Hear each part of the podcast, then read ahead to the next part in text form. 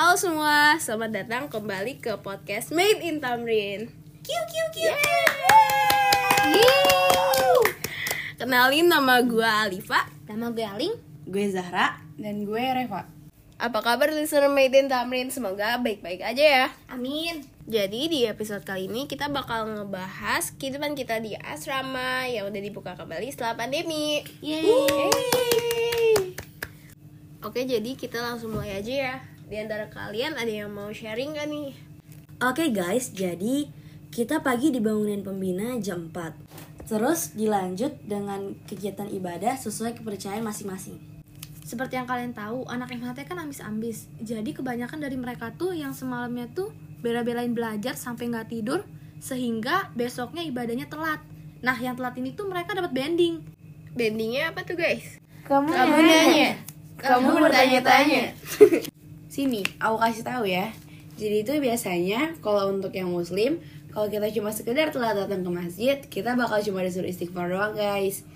Untuk seluruh murid MHT yang nggak datang ibadah, bakal ada kertas bendingnya. Biasanya itu nulis 10 kali ayat atau hadis sesuai dengan agamanya masing-masing. Bener banget tuh guys. Terus sampai ada yang buka jasa joki tuh guys. Aduh, ngeri banget gitu, Ling. Canggih juga. Jadi selesai ibadah, biasanya kita bersih-bersih atau enggak tidur dulu nih guys sampai jam 5.45. Nah, di jam 5.45 itu ada apel makan pagi. Karena ada sistem baru, jadi apel pagi itu nggak ada guys, diganti dengan apel makan pagi dan itu di absen. Terus nih, abis apel makan, kita langsung keluar asrama. Nah, keluar asrama paling lambat itu jam 6 lewat 15 menit.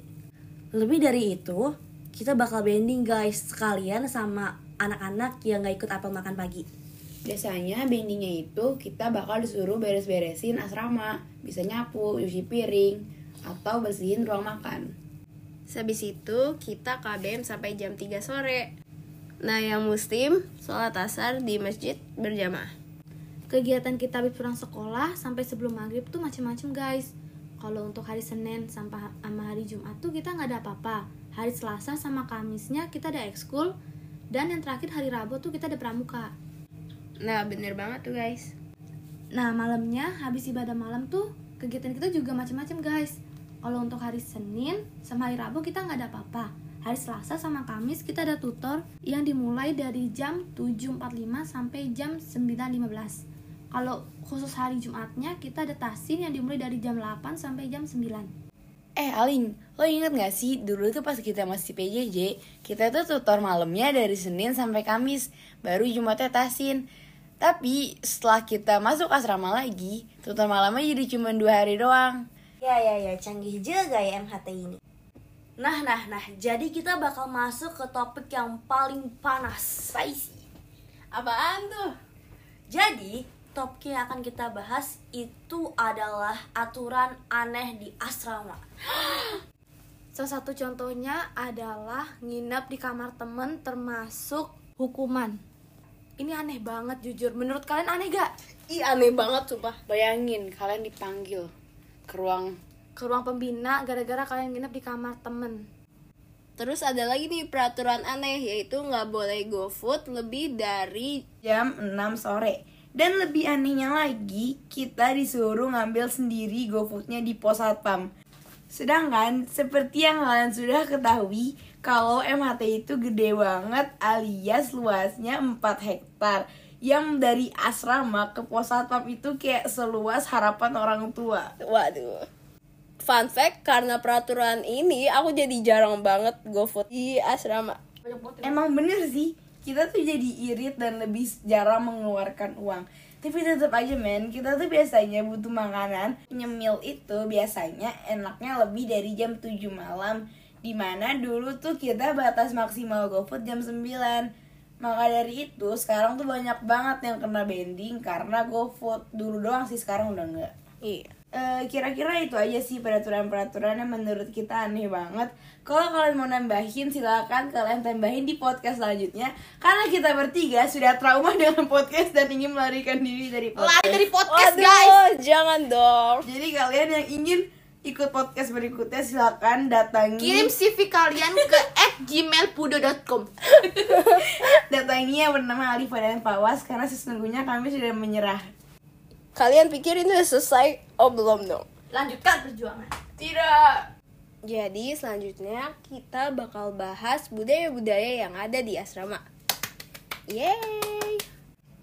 Kalau kalian anak MHT, kalian pasti tahu banget di MHT itu ada yang namanya 5S. Apa aja tuh rap 5S tuh rap? 5S itu senyum, sapa, salam, sopan, santun. Nah, di MHT itu 5S itu tuh udah kayak apa ya namanya? Pokoknya tuh semua orang wajib banget ngelakuin itu ke siapa pun. Tapi guys, sayang sekali kayak makin ke sini 5S udah mulai hilang. Semoga kita semua bisa ngembaliin MHT yang dulu yang 5S-nya selalu diterapkan di mana pun dan kapan pun itu guys. Yoi, bener banget. Ngomong-ngomong, kayaknya sih kalau didengar-dengar suaranya cuma tinggal dua orang doang ya.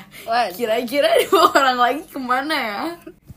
kayaknya dua orang itu sibuk menerapkan 5S sih, Rap. Sekarang dia lagi mereka lagi muterin asrama dan menyapa semua. Oh iya, selain itu kita mau bahas makanan asrama. Sebenarnya pas awal masuk asrama setelah pandemi, kita makannya pakai nasi kotak, guys. Terus kata Repa, buahnya tuh selalu pisang. Terus itu kayak dulu tuh Agnes Octaviani Silaban selalu membawa pisangnya ke kamar sampai menumpuk dan gak dia makan. Akhirnya setiap minggu pulang dan kita datang lagi, pas buka pintu tuh bau pisangnya semerbak, guys. Iya, bener banget sumpah. Oh ya, kita tuh juga sempat ganti-ganti makan tiap minggu. Maksudnya ganti-ganti vendor makanan yang sempat Orion, Stepango, sama Ini Food. Nah, jadi tuh dalam seminggu tuh mereka kayak rolling gitu loh. Itu tergantung mereka mau berapa hari dalam satu minggu. Sampai akhirnya sekarang kita udah fix vendornya, tapi jujur aku nggak tahu namanya apa. Tapi emang makanannya tuh enak banget guys dan beragam walaupun mereka jujur sering banget kalau makan siang tuh ayam Iya, sumpah ayam mulu. kayak lama-lama kita bisa jadi ayam gitu kalau lo sendiri dari empat vendor itu lo lebih suka yang mana tuh? Kalau sih paling suka yang tepan gue ya, soalnya kayak di Jepangan gitu. betul. Kayak hampir semua anak yang mate tuh makan pasti selalu makan di Tepanggo nggak mau nyebut merek yang lain tapi emang biasanya lebih sering di Tepanggo Fun fact, list puasa tuh paling sepi pas Tepan gue jadi catering kita. betul. Betul betul daripada gue kayak orang sawan betul-betul begitu kayak Upin Ipin nanya ke lo nih pak lo tuh biasanya kalau di asrama ngapain aja sih biar nggak bosen karena kan kayak pasti bosen gak sih setiap buka pintu ketemu mukanya itu itu terus Iya bener banget sih. Sebenarnya aku paling sering main ke kamar temen sih. kamar siapa sebut dong Waduh, kamarnya Zahra Ramadhani Parwoto. gue udah lengkap banget sama juga kamar sebelahnya yaitu 304 kamarnya Agnes Octaviani Silaban. Terus kita ngapain rap di sana? kalau ini jujur ini dosa banget tapi kita emang sering gibah di sana. Karena jujur aja lantai tiga tuh kayak safe place nya kita. Nggak ada yang bisa dengerin gibahan kita di sana selain gibah kita juga sering main ludo dan biasanya bernama Aryuni itu kalah mulu dan dia harus melakukan dare dari kita. Gitu guys. Hey, fun fact dari segala fun fact waktu itu kita pernah main ludo berempat dan ada satu orang yang kalah. Akhirnya kita nyuruh dia ngechat doinya dan FYI kayak sampai sekarang itu chatnya nggak dibalas alias dirit doang sedangkan mereka sekelas guys coba kayak kalian bayangin secanggung apa hidup mereka dalam satu kelas itu ente kadang-kadang ente ya guys. Jadi sebenarnya kita berdua udah bingung lagi mau ngomong apa di sini karena kita ditinggal mati oleh dua teman kita yang tadi ada di awal. Jadi gimana kalau kita membahas hubungan aku dan dia aja? Stop, stop, stop. Mending kita closing aja deh. Eh parah banget gak boleh gitu ya, gak boleh gitu ya. Jadi seru banget gak sih di asrama? Seru banget dong, walaupun banyak capeknya tapi tetap seru karena kita bareng-bareng. Yoi, oke. Sampai jumpa lagi di podcast selanjutnya. Ya. Dadah.